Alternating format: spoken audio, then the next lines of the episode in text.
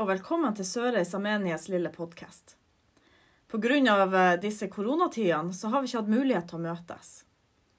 Men i dag skal vi snakke litt løst og fast om tema som de ti bud, og hva Jesus ville gjort, eller hva Jesus ville valgt om han møtte de samme utfordringene som vi møter i dag. Sammen med meg så har jeg hun Lea. Hun er 18 år gammel, snart 19. Og hun har nettopp flytta hit til Sørreisa. Hei, Lea. Hei, takk for at jeg fikk komme og være med. Hva er ditt forhold til eh, kirka og kristendommen sånn generelt? Eh, jeg er nå egentlig bare i kirka når det er dåp, konfirmasjon, bryllup eller begravelse, men jeg er sjøl konfirmert. Jeg konfirmerte meg mest pga. tradisjon og at var, jeg følte det var forventa meg. Da du var ferdig med konfirmasjonsperioden, eller konfirmasjonstida di, da, hadde du fått et nytt syn på eh, kristne eller det å være kristen? Eh, følte du det samme som før du ble konfirmert, kanskje? Jeg fikk en større forståelse for de som har valgt å være kristen, og jeg skjønte at det var mer rundt det å være kristen enn å bare gå i kirka og lese Bibelen. Mm. Men du regner deg ikke sjøl som kristen i dag? Nei. Men jeg har jo veldig stor respekt for dem som er kristen, og respekterer dem. Men jeg har bare veldig Jeg sliter bare litt med å tro på ting jeg ikke kan se. Mm eller som ikke kan bevises. Ja. Og det kan jeg forstå på en måte. Det er vanskelig. Men jeg og Elia vi har altså kjent hverandre lenge. Og jeg er veldig glad for at hun hadde lyst å være med meg her i dag og samtale om dagens tema. For det er kanskje mange som lytter til oss, som kanskje er i samme båt som hun Elea, og som ikke helt vet hva de skal tro på her i livet. År 2020 ble jo ikke helt sånn som vi hadde forventa. De som skulle konfirmeres denne våren, må vente helt til høsten. Og enda vet vi ikke hvordan konfirmasjonene skal foregå, og om det fremdeles er regler og restriksjoner som gjør at konfirmasjonene må avholdes på en ny og annerledes måte, eller om vi kan feire slik planene var denne våren.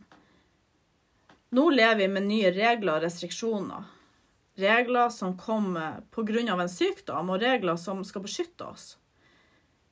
Hvilke regler har du merka mest til i din hverdag, Lea? Eh, det første jeg merka, det var jo det at jeg mista jobben min på eh, bowlinga på Finnsnes. Eh, og det at man ikke kunne møtes ute som å spise pizza med venner eller gå på en tur på senteret. Mm. Og, og det her er jo da regler som er kommet i tillegg til de reglene som vi lever med til vanlig, slik som de norske lovene Ja. Så, si regler som foreldrene våre lager til oss. Eh, kunne man levd et liv uten regler? Tror Nei, det tror jeg absolutt ikke. Nei? Hvorfor det? Jeg, jeg syns det er viktig å ha ledetråd i hverdagen som sier noe om hvordan man skal behandle hverandre, og at man er snill og grei og ikke skader andre. Mm. For jeg føler at de fleste reglene handler om det å ta vare på hverandre. Så det er som Trafikkreglene er jo til for at du ikke skal skade andre eller deg sjøl. Og det samme er jo med dem jeg føler de fleste i fengsel er jo derfor de har skada noen eller noe. Mm. Ja. Vet du, Jeg har lyst til å lese en tekst fra Det gamle testamentet. I andre Mosebok, altså den andre boka i Bibelen, i Det gamle testamentet, i kapittel 20 vers 3-17 så står det Du skal ikke ha andre guder enn meg. Du skal ikke lage deg gudebilder.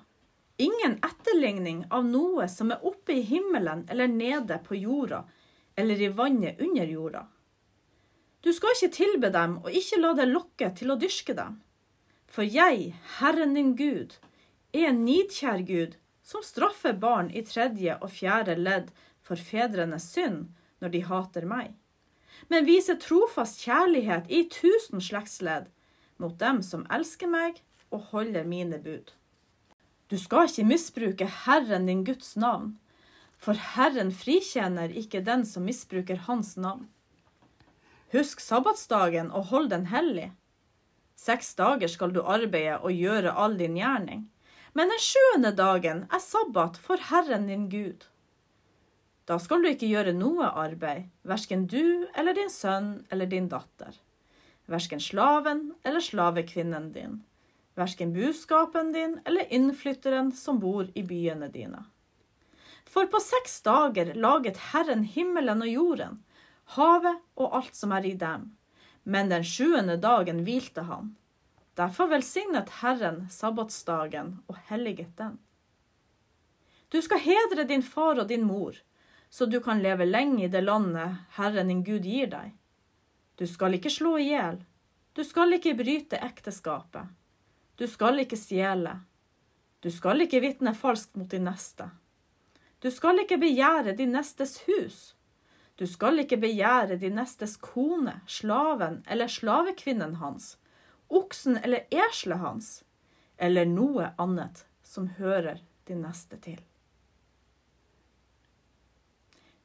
Hvilket bud synes du er det viktigste, og hvorfor er det viktig for deg, tror du?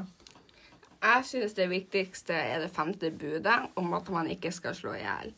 Fordi det er et bud jeg som ikke-kristen kan stille meg bak og leve etter. Jeg syns man ikke skal være onde mot hverandre. Mm. Tidligere en dag jeg snakka med deg, eh, så nevnte du at, eh, at du også kunne stille deg bak det første budet. Og det første budet er jo at du skal ikke ha andre guder enn meg.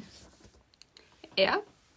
Eh, Det kan jeg også stille meg litt bak, fordi jeg tror at hvis det er en gud, så er det bare én gud.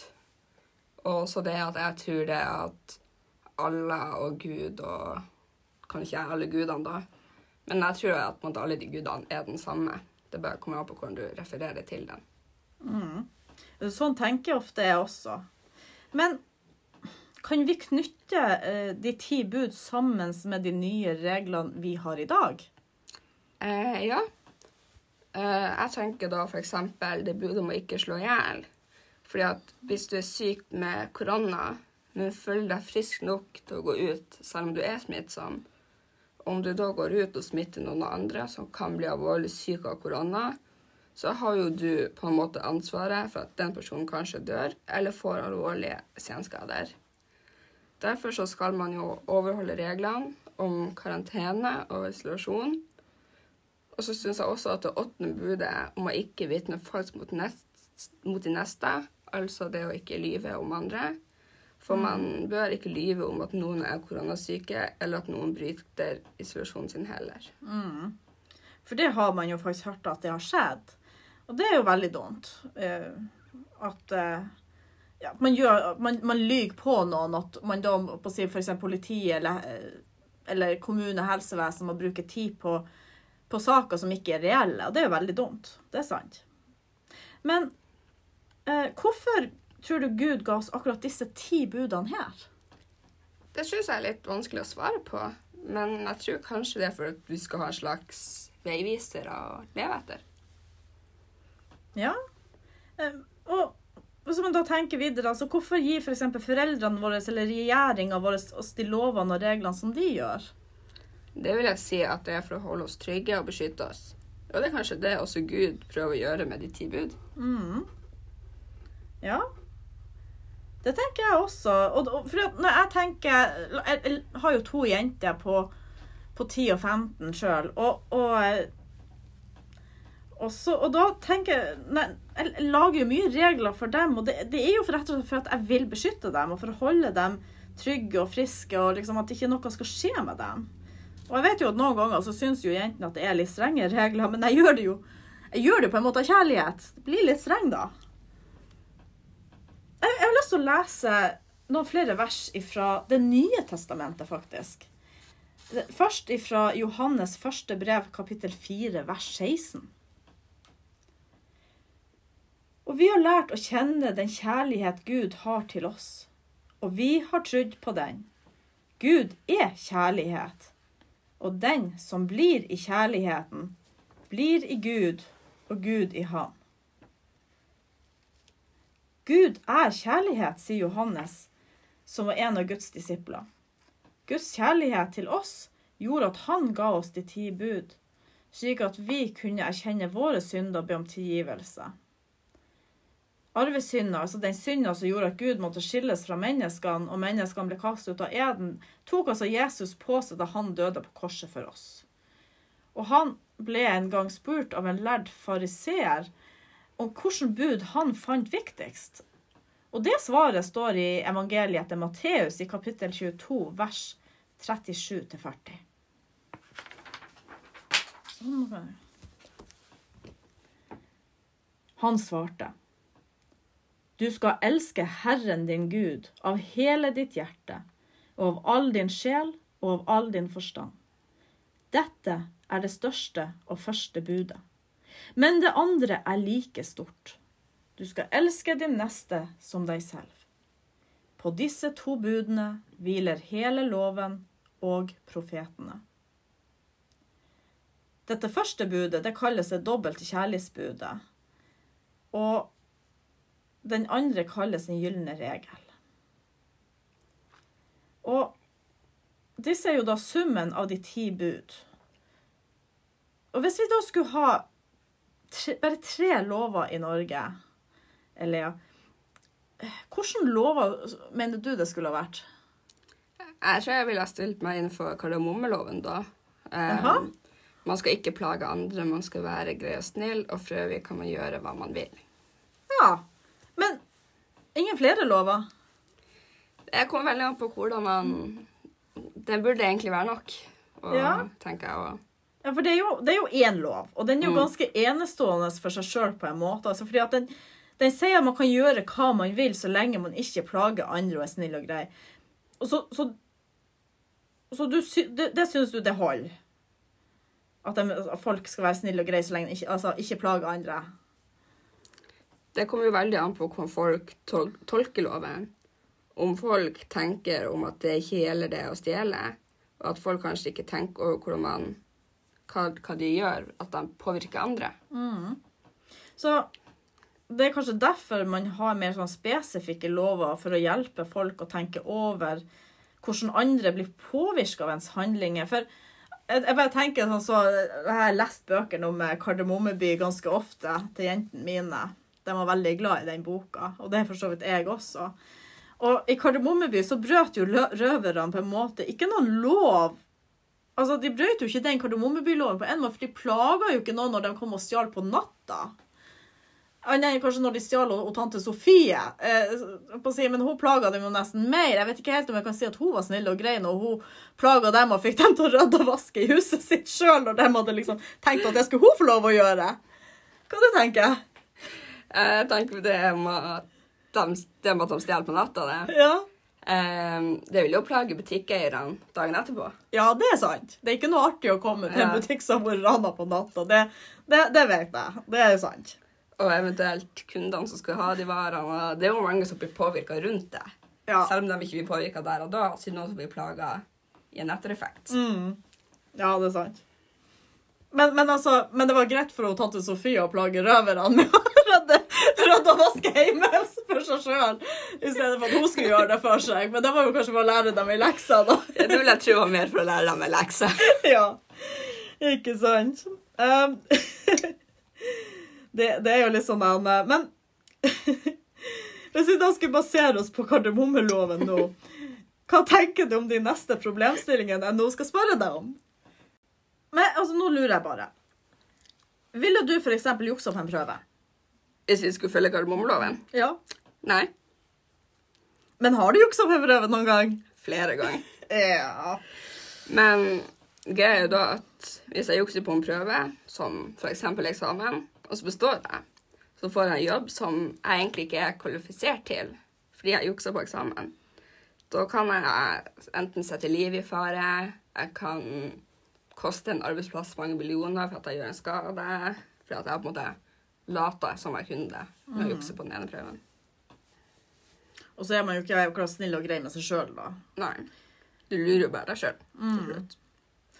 Enn hvis du jobba i butikk, ville du beholdt penger hvis du fikk for mye igjen i kassa? Nei. Ja, det er kanskje litt vanskelig nå med de butikk, si, det kassesystemet som finnes i butikker i dag. der. Ja, Det er jo fort gjort å glemme igjen litt penger. Det er det jo. Det er sant. Det skal jeg skrive under på. Ja. Um, enn når du får sertifikat, vil du kjøre for fort? For du har jo ikke fått sertifikatet ennå. Vi driver jo øvelseskjøring iblant, jeg og du. Vi, vi jobber med den saken der. Ja. Men nei, for da kan man jo sette liv i fare. Enten menneskeliv eller dyreliv. ja, det er godt du har lært. Skal vi se. Og så en um, Vil du eh, være sammen med folk, altså henge med folk som behandler andre dårlig? Eh, nei, for at man, jeg hører ikke man skal ikke støtte noen som er slem. Man kan heller bli sammen med dem når de oppfører seg igjen, og dem, og belønne dem for god oppførsel istedenfor den dårlige. Ville du vært den første til å snakke med en ny person i klassen? Ja.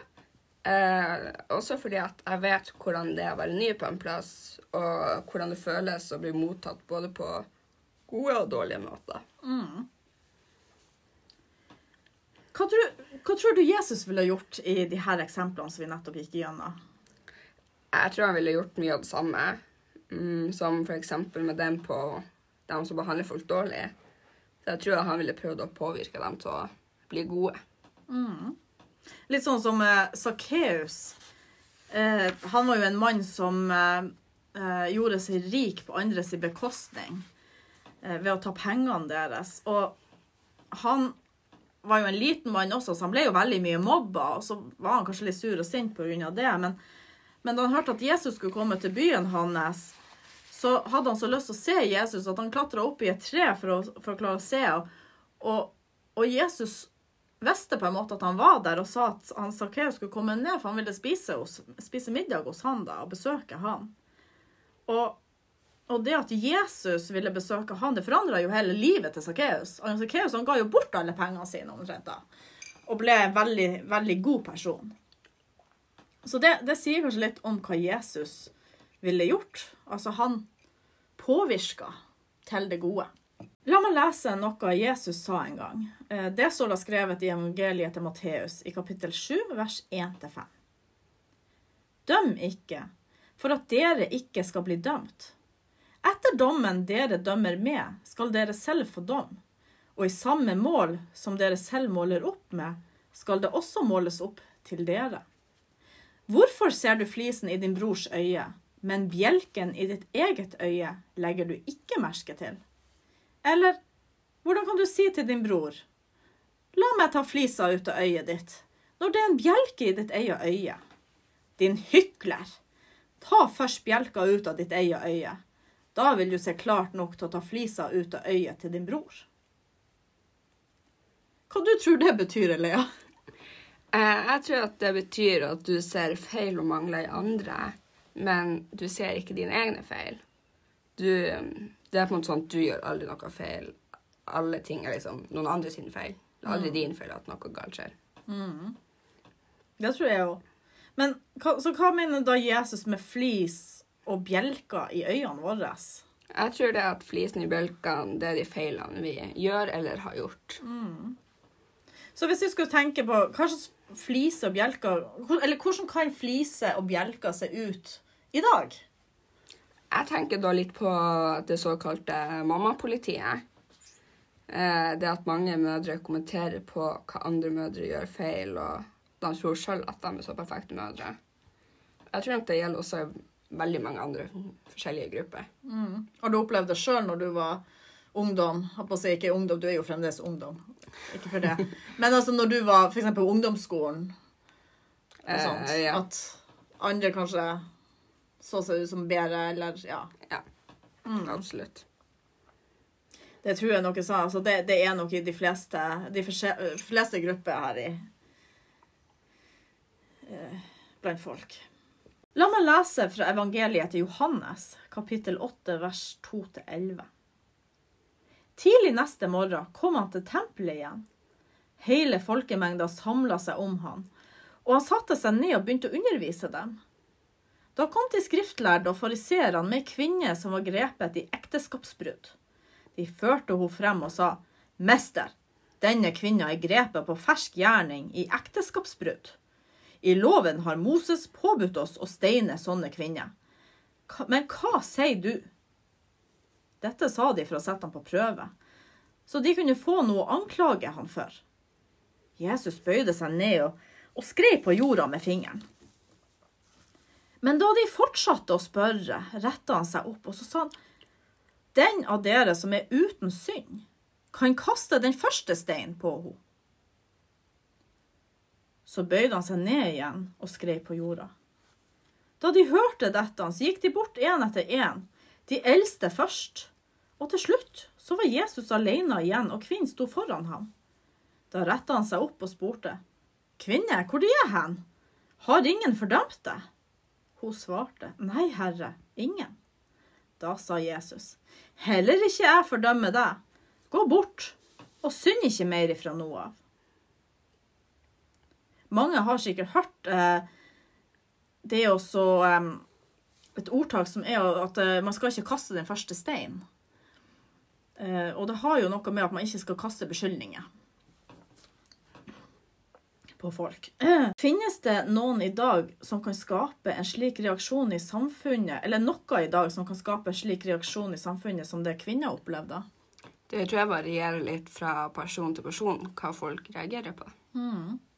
Altså, jeg tenker jo litt uh, på den rettssaka som pågår akkurat nå, uh, der en far er tiltatt for å ha misbrukt sin sønn i flere år, og så drepte han, og sønnen fortalte dette til mora. Uh, den, den, saken kan jo kanskje skape en slik reaksjon i dag. Og, og så tenker jeg også på å si, med tanke på noe med det korona, at, at man hadde noe karantene, og så var det isolasjon for de som var påvist smitte, og karantene for de som kom sørfra. og og det var jo veldig mange som, som drev og Hva på å si Beskyldte folk som kanskje ikke hadde trengt egentlig være sånn i karantene eller isolasjon. Så drev og beskyldte de og pekte en finger på de og, og sånn. Og, og, og, det er jo det, det, kan man kanskje si er litt av den samme reaksjonen. At det blir litt, litt av det der. Og, at man skal være litt forsiktig med det. Eh, hva, men, eh, hva gjør deg sint, Lea? Eh, det som jeg reagerer sterkest på, det er jo dyremishandling. Eh, og de som virkelig er mot homofili. Mm. Dyremishandling det gjør meg sint fordi jeg tror at dyr er noe av de mest uskyldige skapningene vi har. Mm. Og jeg har jo slitt psykisk i ganske mange år, og da har dyr vært den ene gode støtten som hele tida har vært der og vært en stor trøst. Mm. Og da tenker jeg liksom, Hvis man kan skade et lite dyr som er så uskyldig, så sier det jo litt om hva man er i stand til å gjøre mot mennesker. Ja. Men hvorfor gjør mennesker som er imot homofili, deg sint? Eh, jeg reagerer på det fordi at homofile og skeive generelt ikke kan noe for at de er homofile. Mm. De kan ikke styre hva de føler, eller at de er født sånn. Ja, ja det, og det ser jeg, for det er jo skapt sånn. og og her så kom jo de skriftlærde og fariseerne med en kvinne som hadde synda. Eh, og de ville da sette Jesus på prøve for å se om de, kunne få noe å arrestere han for, rett og slett. Og de ville teste han om de, han kunne de ti budene, om han ville følge dem. Og når Jesus da svarer med å spørre om alle om de var fri for synd altså Alle forsvant, rett og slett. For, for ingen er jo fri for synd. Og det Jesus sier, er at vi ikke må dømme andre, for vi er ikke fri for synd. Altså, Bare Jesus var fri for synd, men sjøl han forgav kvinner og ba om å ikke synde mer. I, i evangeliet etter Matteus i kapittel 5 vers 17-18 så sier Jesus Tru ikke at jeg er kommet for å oppheve loven eller profetene. Jeg er ikke kommet for å oppheve, men for å oppfylle. Sannelig, jeg sier dere, før himmel og jord forgår, skal ikke den minste bokstav eller det eneste prikk i loven forgå før alt er skjedd. Så de ti bud gjelder, og Jesus han oppheva ikke loven, men han oppfylte den. Eh, altså, vi klarer ikke å være syndefri. Vi bryter de ti bud. Vi bryter regler og lov og stadig vekk. Men med Guds nåde og det at Jesus ga seg sjøl for oss, sånn at vi kan be om tilgivelse og bli tilgitt Altså, Jesus han møter oss med respekt, slik han møter kvinnen som hadde gjort ekteskapsbrudd. Altså, han gjenoppretter vår verdighet og selvrespekt, slik som han gjorde med kvinner. Så når jeg sier at vi må spørre oss sjøl, Elea, hva ville Jesus gjort nå? Hva får det deg til å tenke på? Jeg tror at han Jesus han hadde tidlig synder. Samtidig så tenker jeg jo det iblant at han tilgir litt vel mye. Eh, og han tilgir også litt ting som jeg føler er util utilgivelige. Men samtidig så må det jo være ganske behagelig å gå rundt og ikke bare narre til noen eller noe. Du har noen du ikke har tilgitt i livet ditt? Yep. Så jeg, jeg kjenner jo historien din, så det skal vi ikke gå inn på her, så jeg forstår deg jo godt. Og, og jeg har jo sjøl fremdeles vansker med å tilgi de som gjorde meg vondt når jeg var ungdom, med å mobbe meg. Eh, og jeg vet egentlig ikke om jeg vil noensinne bli helt i stand til å tilgi dem. Det, så det er vanskelig å, å leve som Jesus, altså å, å, å gjøre som Jesus gjorde. Eh, men men jeg tenker også litt slik at, at oppi det hele så kanskje det å tenker at, at det er viktig å kunne tilgi seg sjøl. At når når man opplever noe der, der noen kanskje gjør noe utilgivelig mot oss, og kanskje gjør noe liksom å eller at man blir mobbet altså man, man føler jo kanskje til slutt at det er oss det er noe galt med. Det vet jeg, for for min egen del at jeg følte lenge at det måtte vært noe jeg gjorde. At det var min skyld at jeg ble mobba. Og da og, og, og, og man blir jo veldig sånn, man skammer seg jo veldig. Det blir jo en, en skam i, i det her. Og, og det kan være viktig også å prøve å tilgi seg sjøl. Hva du tenker det, jeg er helt enig der. Ja. Eh, For, for det er liksom Altså, det, det, det, det der jeg tror det, jeg tenker det er viktig å tenke på det Jesus, altså å, å tenke som Jesus og, og tilgi. Altså at vi tilgir oss sjøl, altså for å gjenopprette vår egen verdighet og selvrespekt, rett og slett. For oss sjøl. Nå, nå vil jeg at vi alle, dere som hører på også, at vi skal sette oss tilbake. Se for dere at dere er i kapellet nå og står ved lysgloben. Så vil jeg at dere skal se for dere at dere tar et av lysene, dere tenner det for noen dere kjenner. Noen du er glad i, kanskje. Så bare på en måte be ei lita bønn inni deg for den eller de personene.